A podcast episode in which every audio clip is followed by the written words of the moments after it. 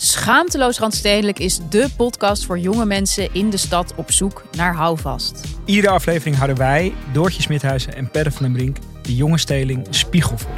Hoe erg is de wooncrisis voor millennials? En kan je eigenlijk nog wel vlees eten? En is natuurwijn helemaal super of is het totaal overbodige luxe? Wij zijn jouw gids binnen de Randstedelijke bubbel. Luister nu naar onze podcast Schaamteloos Randstedelijk. Overal waar jij je podcast luistert. Hey, hallo sportievelingen en aanmoedigers. Welkom bij Damn Honey.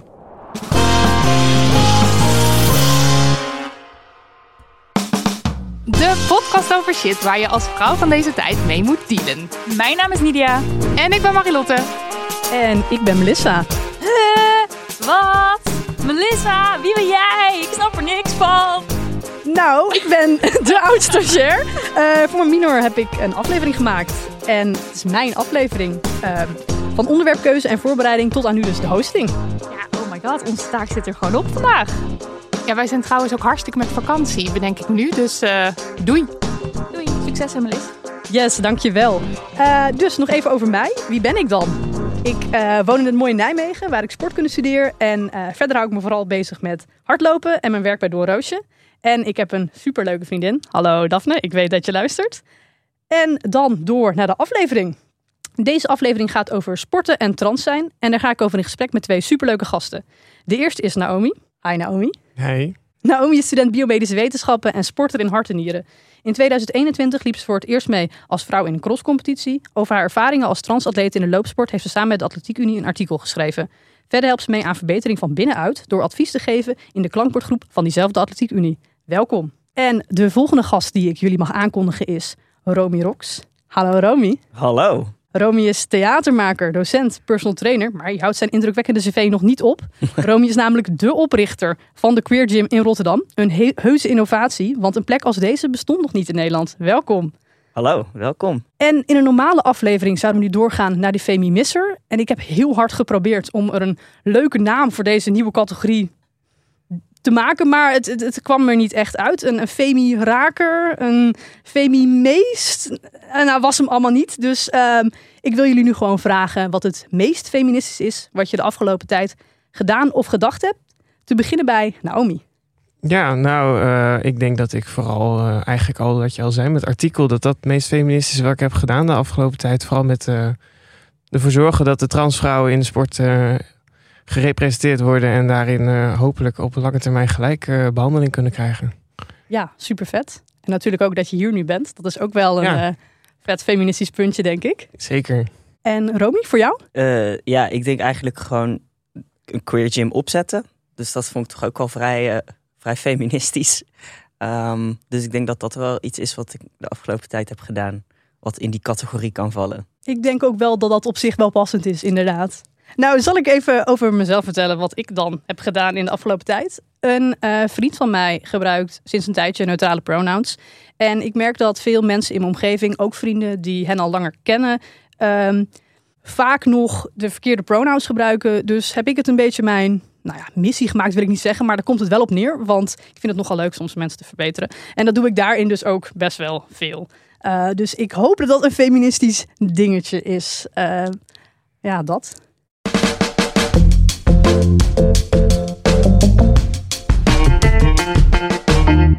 We moeten het even hebben over sporten als je trans bent.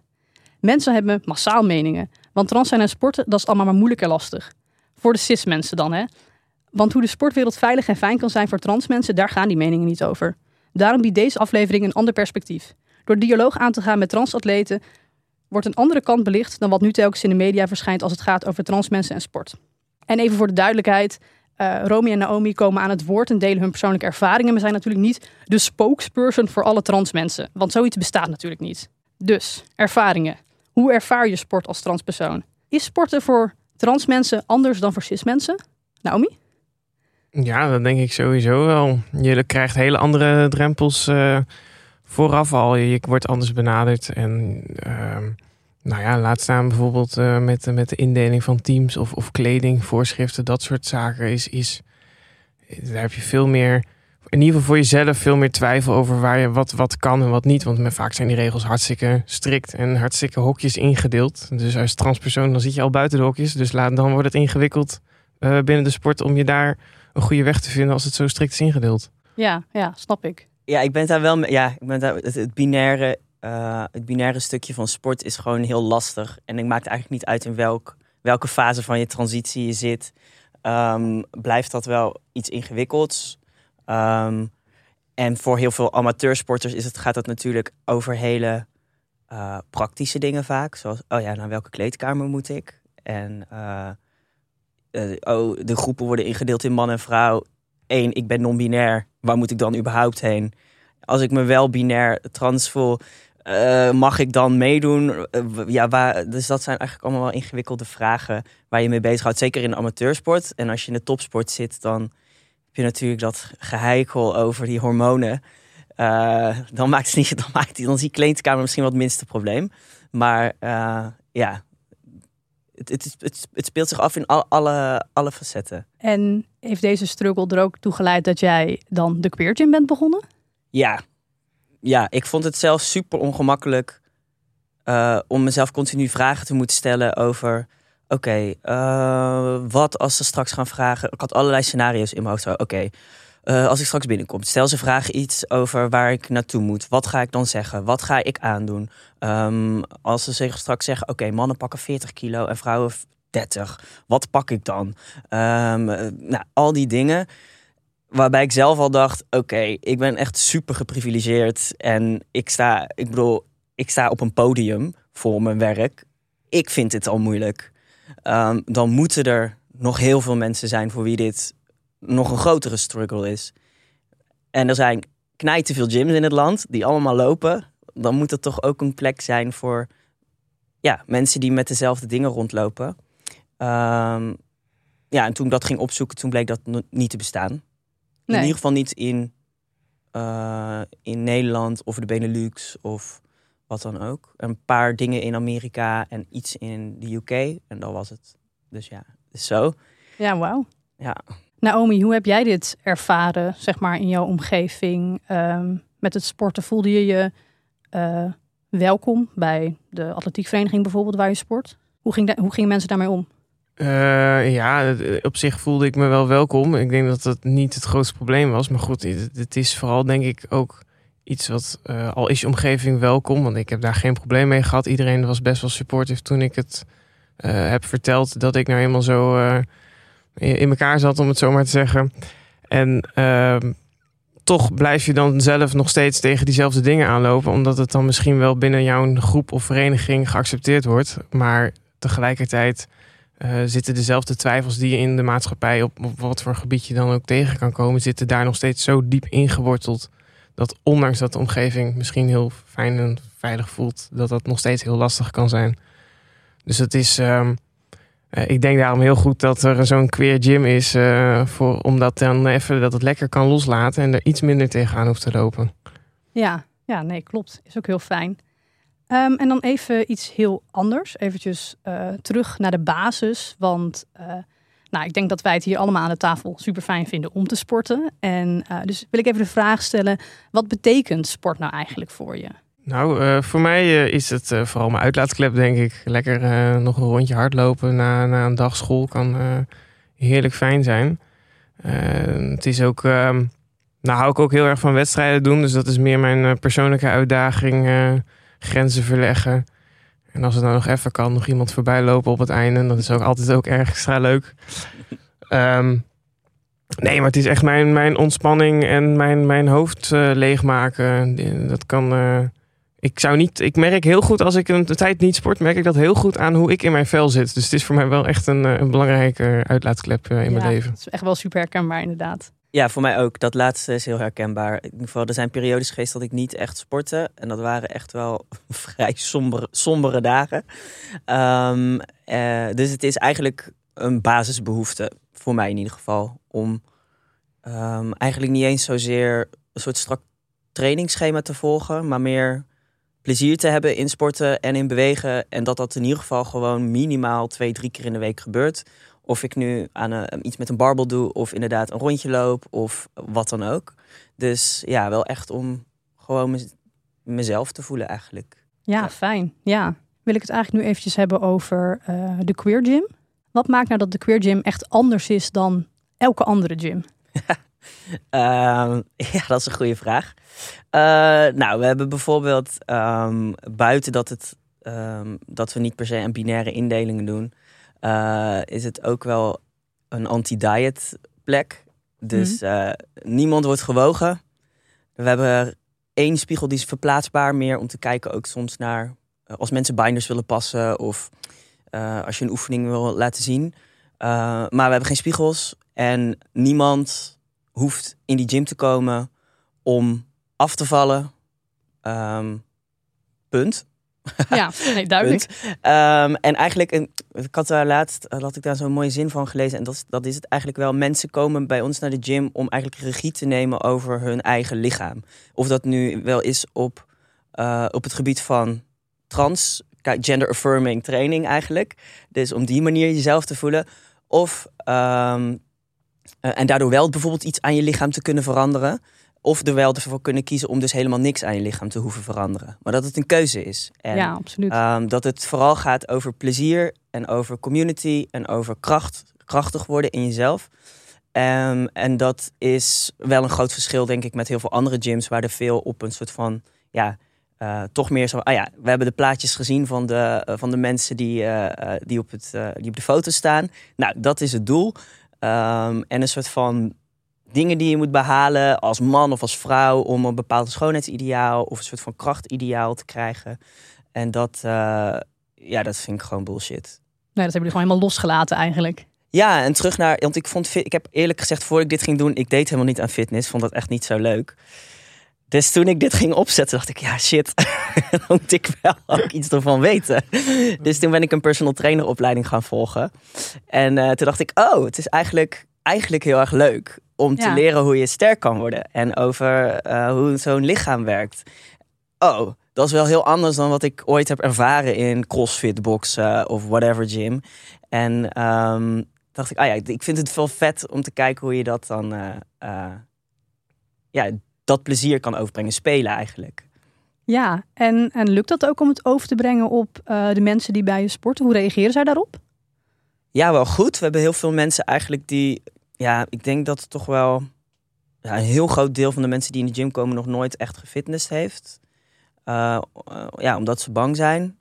Toch? Veel angst, heel veel. Ja, en heel veel mensen die gepest zijn op uh, basisschool, middelbare school, te horen hebben gekregen: jouw lijf kan niet sporten om whatever reason. Dus inderdaad, of ze te dik zijn, of omdat ze te gay zijn, of nou, noem het op. Um, en om die mensen te zien groeien van, nou, ik kom hier binnen, ik kan het waarschijnlijk niet, maar ik geef het een kans. Naar dat ze een paar maanden later, ja, zonder moeite staan te squatten en te deadliften en een pull-up doen. En uh, ja, dat is, dat is gewoon super cool. Ja, lijkt me ook super mooi om die mensen dan te zien groeien eigenlijk. Ja. Door een plek die jij opgericht hebt. Ja, zeker. En dus ook zelf. Want het is niet per se dat ik een soort superatleet ben. Die, uh, die oh joh, ik til al 300 kilo. En ik ga even mensen zeggen wat ze moeten doen. Uh, ik ben zelf ook nog aan het leren. En aan het, uh, ja, ja, aan het leren. En ook, ook om voor mezelf... Um, ik heb ook nog nooit zoiets zo lang iets volgehouden. dus dat is. Dat zegt dus dat veel, toch? Voor ja. mij ook wel een soort van: ah, oké, okay, het is echt leuk. ja, dus het, gaat, het is wel echt iets van ons samen. Van de mensen die komen en van mijzelf. En ook van de trainers die bij ons zijn. Het voelt echt als pionieren. En als bedenken: oké, okay, dit is een queer gym. We kunnen dus niet zomaar een les erop plakken en zeggen: oké, okay, nu is het queer. Zo, nee waar gaat het over? Hoe kunnen we, hoe kunnen we het binaire eruit gooien? Kunnen we competitie weghalen en het toch bijzonder? En, nou, het, ja, dus. Gewoon eigenlijk vanaf het um, begin weer opnieuw opbouwen. Ja. ja. ja. Want de essentie, mensen willen sporten eigenlijk gewoon om zich fijn te voelen. Ver verder niet. Ja, en wel, wel ook het gevoel te hebben dat je krachtiger wordt of sterker ja. wordt of weet ik veel beter uithoudingsvermogen. Maar dat kan op zoveel verschillende manieren. Maar niet om eruit te zien als Arnold Schwarzenegger. Nee. nee. nee. Nee, niet. Nee. En zeker niet in, um, uh, in vergelijking met anderen. Zo, oh, uh, die is veel groter, die is veel sterker, die, da, daar moet ik aan voldoen, daar moet ik aan voldoen. Terwijl je dan zo voorbij gaat aan waarom, wa, ja, waarom doe ik dit eigenlijk? Vind ik dit leuk? Voel ik me gelukkiger? Et cetera. Ja, fijn. Ja, echt super tof dat er zo'n plek is. Ja, ik vind het ook heel leuk om te doen. ja, en ook eh, ja, om te zien hoeveel meer plekken ook in Nederland daar ook over nadenken en mee bezig zijn. Dat is eh, gewoon ja, tof. Ja, ja vet. Ja, wel belangrijk dat dat gebeurt, denk ik. Toont ook wel aan dat, hoe de, dat het zo uh, fijne plek is voor mensen om daar te komen. En inderdaad dan zo zelfverzekerd eigenlijk daarin groeien. Het toont ook maar aan dat het heel belangrijk is, denk ik. Dan zie je hoe, uh, wat voor een invloed uh, die, die, die angsten en, die, en, en, de vergelijkingen die je kan maken in de maatschappij eigenlijk hebben op mensen. Ja, en het is ook. Um, het is zeg maar, alle, eigenlijk voor iedereen die, die bij ons in de gym komt, is sporten niet iets makkelijks of iets eenvoudigs, zeg maar. Het is Nee, ook iets. Het is niet vanzelfsprekend. Nee, het is ook soms heel verdrietig dat je iets niet kan. Of het is soms heel confronterend dat je denkt, ja, ik, ik kan dit niet. Of ik, ik heb altijd te horen gekregen dat ik dit niet kan. Ik vind het triggerend om op, een, op bepaalde oefeningen te doen. Of ja, worden, er zijn zoveel. Uh, het is niet gewoon niet vanzelfsprekend. En het is dus soms ook gewoon dat mensen daar verdrietig om zijn, of kwaad, of dat het niet lukt, of dat het stom is, of dat ze naar huis willen. Of... Maar dat hoort er ook bij, toch? Ja. Ja, Ja. zeker. Dat hoort er ook bij. Ja. Ja. Oké. ehm, nou even terug naar Naomi, jouw sportcarrière. Want jij bent ook wel, nou ja, druk bezig, om het zo maar te zeggen. Ehm, ik had een interview eh, gelezen ehm, van de, op de website van, Atletiek, van de Atletiek Unie. En eh, dat ging erover dat jij tweede was geworden bij een wedstrijd. En er eigenlijk wel blij mee was. Kun je vertellen hoe dat zit?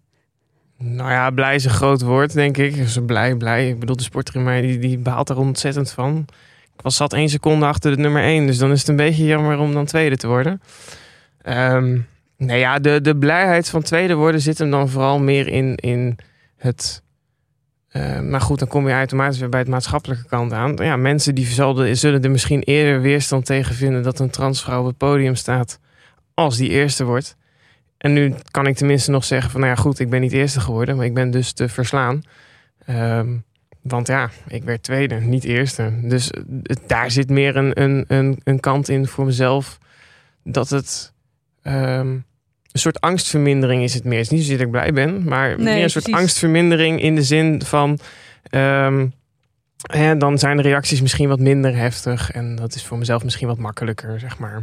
Maar het is ook niet per se dat ik zo denk eh, standaard. Maar dat is toch ook ergens in het achterhoofd speelt het wel. Ik bedoel, het, al, tijdens de wedstrijd dan, eh, dan, dan gelden, gelden die regels niet. Dan is het gewoon eh, wie het eerste is, die is eerste. En dan wil ik ook gewoon winnen. Dus daar ga ik ook wel voor. Maar Hmm. achteraf is dat zeker wel. Um, ja, is het gewoon, gewoon een deel van, van die maatschappelijke meningen. Dan denk ik toch van oké, okay, dat, dat, wordt waarschijnlijk iets minder. Dus dat scheelt weer, zeg maar. Krijg je daar ook reacties van van uh, de andere sporters met wie je ja, dan zo'n wedstrijd hebt gelopen? Zijn die, merk je daar iets van? Of dat mensen daar iets van vinden? Of?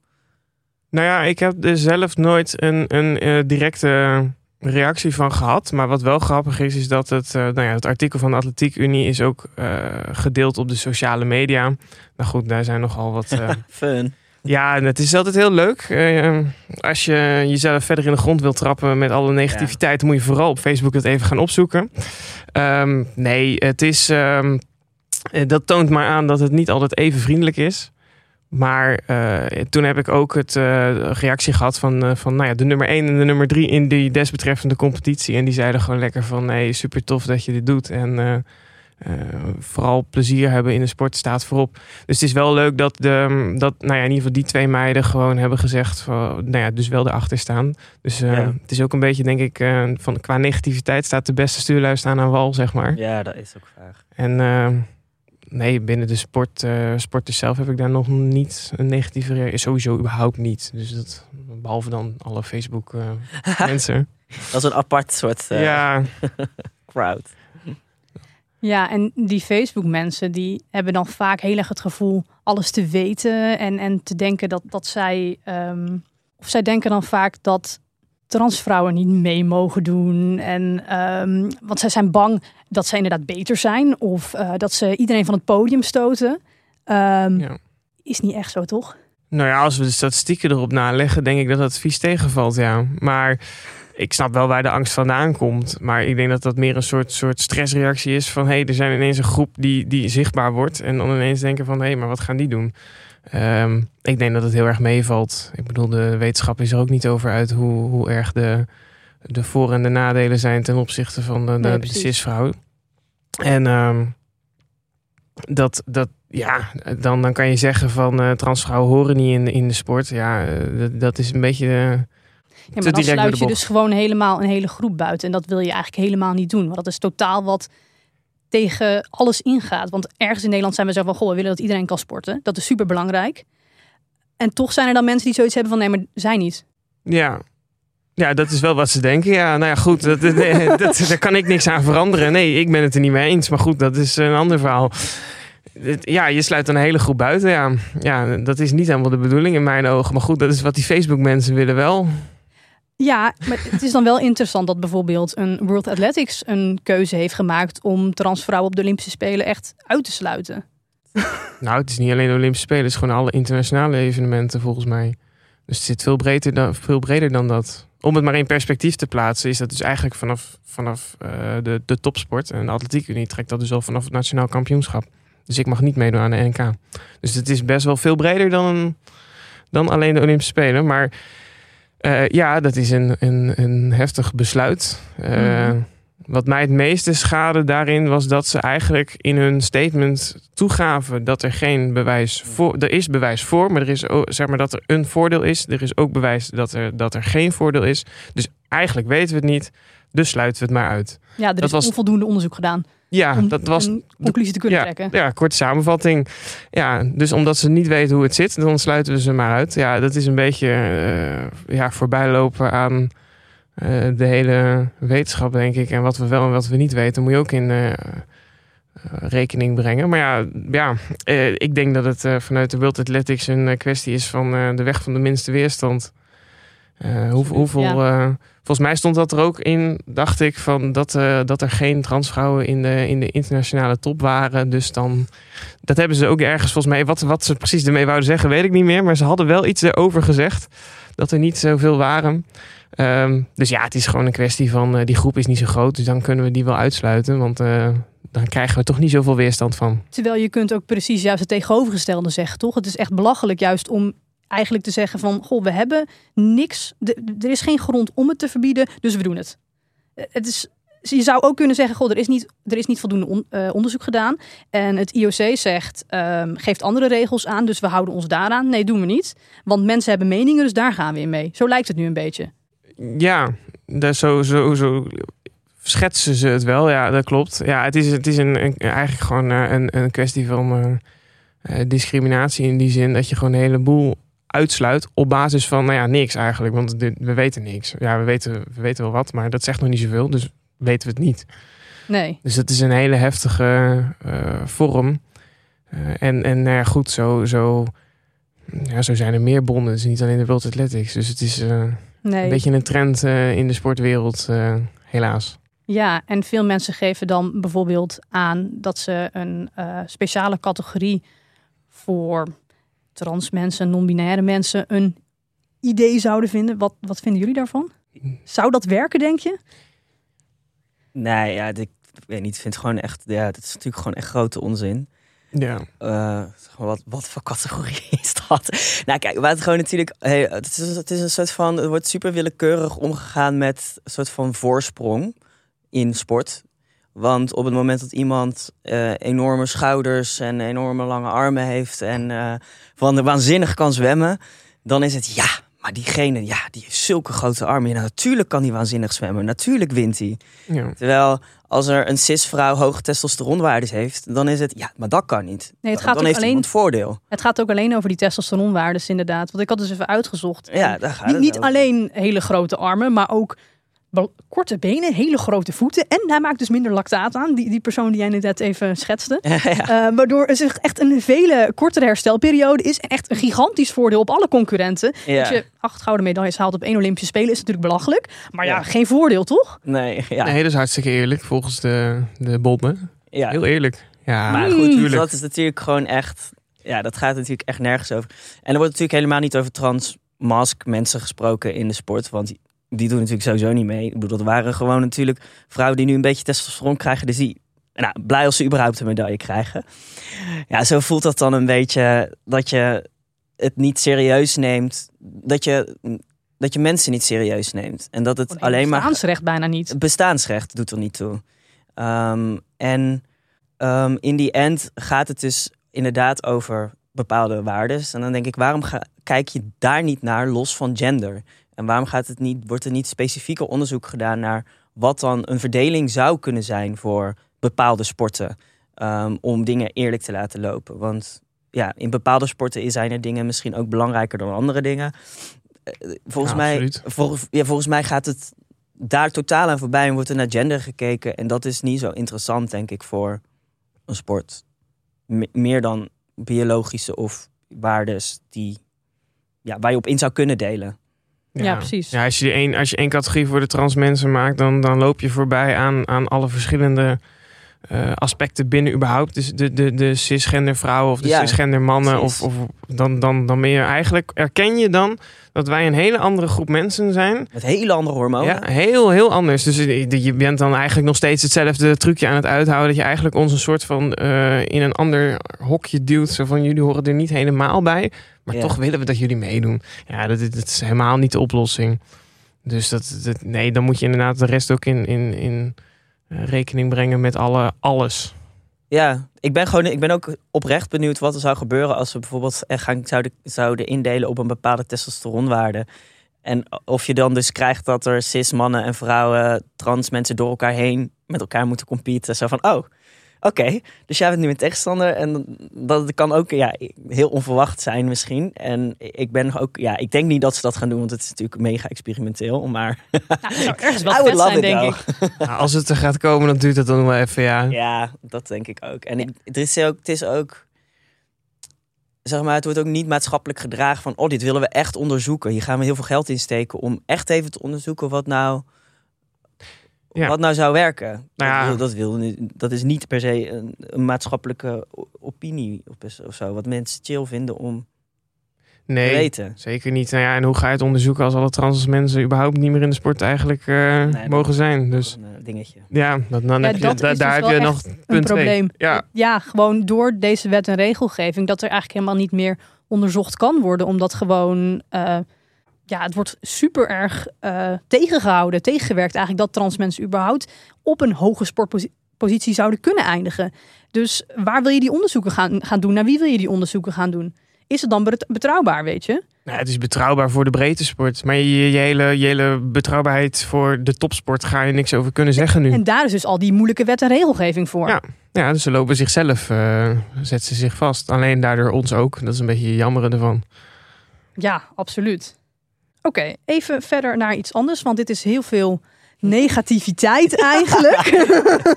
en we zijn er allemaal boos over, dat mogen we allemaal delen, want het is ook gewoon super stom. Ehm, wie weet, verandert er ooit iets? Wellicht over 50 jaar? Of zo? Nee, ik heb geen idee, maar dat is wel heel negatief. Mag knows? hopen eerder. Ja. Ik hoop het ook. Maar eh, nou, dus over twee jaar zitten we hier weer en dan eh, zullen we bespreken Wat hoe het beter is geworden. is. Ja, ja, ja. ik ben er bang voor. Maar ehm, dus even iets anders. Ehm, gewoon even wat, wat positiever. Wat heb je nou nodig als ehm transsporter, transmens, atleet? Ehm, en hoe kunnen andere mensen daarbij helpen? Gewoon in, in, in in het algemeen in eerste instantie. Nou, ik denk vooral eh, openstaan voor, voor het, het wederhoor, zeg maar. Want ik, ik, je merkt gewoon heel snel weerstand op het moment dat, dat je überhaupt transporter bent. In die zin. Dus, en ik, dat is nou, vaak denk ik gewoon omdat ze niet zo goed weten hoe, hoe je als überhaupt transpersoon in elkaar steekt. Dus ik denk dat het vooral belangrijk is om, om open te staan voor, voor elkaar. En daarin, ehm, nou ja, vanuit de vereniging bijvoorbeeld, gewoon, gewoon te kijken naar van hé, hey, we hebben nu een, eh, een, een, eh, transatleet die, eh, die meldt zich aan en eh, die heeft een vraag. En hoe kunnen we daar diegene bij ondersteunen? Of wat zijn de mogelijkheden die wij hebben? Ik denk dat dat al heel erg, eh, in ieder geval binnen de verenigingsverbanden, helpt. Dat je gewoon een bestuur hebt die daar proactief in, in bent. En het liefst bij de voordeur ook dat al uitstraalt. En hoe doet een vereniging dat dan precies? Om dat uit te stralen bij de voordeur? Nou ja, eh, ga, ga kijken naar wat voor richtlijnen je kan hebben. Of dat je inderdaad bijvoorbeeld met kleedkamers of zo al een, een, een soort ja, Hoogpop nou ja, eh, daarin een richtlijn hebt van joh, we gaan dit doen, we gaan dat doen. Ehm, ik denk dat dat sowieso in de hele breedte namelijk al goed is. Ook als je geen transatleet hebt, dat je gewoon eens een keer kijkt naar alle dingen van ja, is het nou nodig dat we dit zo binair indelen? En ik denk dat als je daar al überhaupt naar kijkt en over nadenkt en dan daarmee al een beetje de, de dingen tackelt waar de meeste uh, transpersonen tegenaan lopen, nou ja, dan heb je al, denk ik, al aan de voordeur een hele open ding als je dat uh, ook deelt. Dat is wel belangrijk. Ja, ja en, en dan bijvoorbeeld via de website of... Uh... Ja, of sociale kanalen. In ieder geval iets... Uh, als je op de website een kopje hebt met uh, je, je veilig sporten of, of iets in die geest... dan, dan kan je daar voor alles onder zetten wat, wat je aanbiedt... of wat, wat je, waar je rekening mee houdt. Of, nou ja, of bijvoorbeeld van neem contact op. Maar goed, dan maak je de drempel alweer groter. Maar ja, ook als je dat er neerzet... dan ben je al drie keer verder dan de meeste verenigingen. Dus in Ja. die zin... Voor nu is dat al is dat denk ik voor verenigingen al een hele mooie, mooie opstap. Ja, en ik denk daarbij aansluitend ook, uh, wat jij zegt, is dat heel veel mensen gewoon geen idee hebben. Dus ook educatie rondom wat, uh, wat het is, wat trans zijn, voor wat dat eigenlijk is. Dat is eigenlijk al een stap Ja. in voor heel veel plekken. Wat is dat nou eigenlijk? En wat, en wat heeft dat voor invloed want, op sport? Ja. Dat mensen gewoon daar een echt beeld over hebben in plaats van spookverhalen die ze horen via de, de Telegraaf. En Facebook. Ja, en de, Ja, en de Facebook. Facebook. En, en nou, de Volkskrant ondertussen ook. Maar uh, gewoon inderdaad uit de media wat, ze, wat, je, wat je te horen krijgt. Dus dat mensen daar een echt beeld van hebben. Wat is dat nou? Wat zou ik inderdaad... Ook wat zou ik als vereniging al kunnen doen? Wat super makkelijk is, niet zoveel tijd kost en uh, al makkelijk kan integreren. En dat geldt ook voor sportscholen. Um, Absoluut. En uh, het is niet zo moeilijk, zeg maar, om op je, uh, bij je sportschool aanmelding niet in te hoeven vullen wat je uh, gender of je geslacht is. Of um, dat er in ieder geval meerdere opties zijn. Um, dat je kan vragen wat iemands pronouns zijn, is natuurlijk uh, voor heel veel mensen al heel ingewikkeld. Maar dat zou toch ook een mooie stap zijn als mensen dat gaan doen. Ja, dus eigenlijk nu even de oproep aan iedereen. Hier, iedereen die dit nu luistert. ja. Stel je ontmoet iemand nieuw, vraag gewoon even om pronouns. ja, precies. ja. Nee, top. Nog aanvullingen hierop? Of, uh... Nee, ja, ik denk dat we al genoeg handvaten hebben gegeven waar ze mee aan de slag kunnen. uh, ja, dus... zeker. dus uh, gemeentes of verenigingen, luisteren jullie? La hè? Doe dit alsjeblieft. Ja, het is niet zo moeilijk. Zeg maar, het is echt niet zo ingewikkeld. Dus let's go. Nee, ja, en vaak, vaak zitten er vanuit, uh, de, nou ja, vanuit dan de verenigingen, vanuit de nationale bonden, zitten er ook al heel veel handvaten al. Ja. En het is net zoals van het NOC NSF heeft een richtlijn gender uh, diverse ja. mensen in de sport. Ja, ja de, die, er zijn heel veel handleidingen en richtlijnen en handvaten. Maar ja, doen. Het is meer een soort ontwetendheid, denk ik, voor veel mensen. Nou, en oppakken. Nee, staat niet hoog op de agenda. Ja, kijk, als je natuurlijk neemt, als, als je allemaal mensen in je vereniging of op je sportschool hebt die het gewoon echt geen lor kunnen schelen. Ja, dan gaan die echt, die, die kijken daarna en denken, ja, het zal wel. Who cares? Maar ja, dat is, het zou fijn zijn als het ze wel iets kan schelen. Uh, en ook vaak natuurlijk wel, ja, maar dat is niet bij ons. Of uh, ja, maar die mensen voelen zich hartstikke veilig. Die mensen, het is, het is hartstikke veilig hier. Zo ja, dat is één al grote onzin. Nergens is het veilig. Ook, zeg maar, ik bedoel ook niet bij Queer Gym. Dat is gewoon een illusie, veiligheid. Je probeert zo goed als je kan veiligheid te creëren. Maar er is altijd iemand die zich onveilig voelt. Dan kun je alsnog wel naar die persoon luisteren. Of ervoor zorgen dat iemand zich in ieder geval veilig genoeg voelt om zich te kunnen uitspreken. Ja. Dus op het moment dat jij als vereniging of sportschool of whatever plek zegt... het is hier veilig, dat hebben wij niet nodig... dan ben je per definitie dan wel dus een onveilige plek.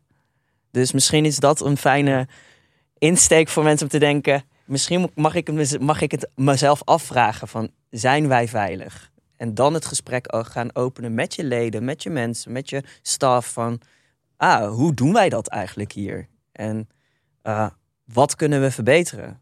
Want dat kan altijd. Ja, absoluut. Dat vind ik een hele goede boodschap. Ik denk dat het dan uh, tijd is voor de laatste vraag. Kijk heel eventjes uh, naar de stagebegeleiders. nou, jij krijgt een sticker zo. Ja. Oké. Okay, um, hebben jullie nog een laatste boodschap wat je kwijt wil aan onze luisteraar?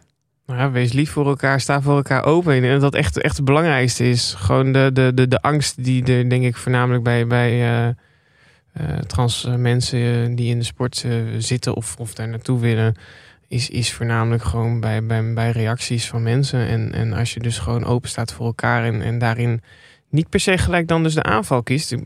Door te zeggen van hé, hey, jij mag dit niet. Maar meer vragen van joh, hoe zit dat nou? Dat is een hele andere benadering. En ik denk dat dat heel veel, ehm, heel veel, heel veel angsten of, of weerstand wegneemt.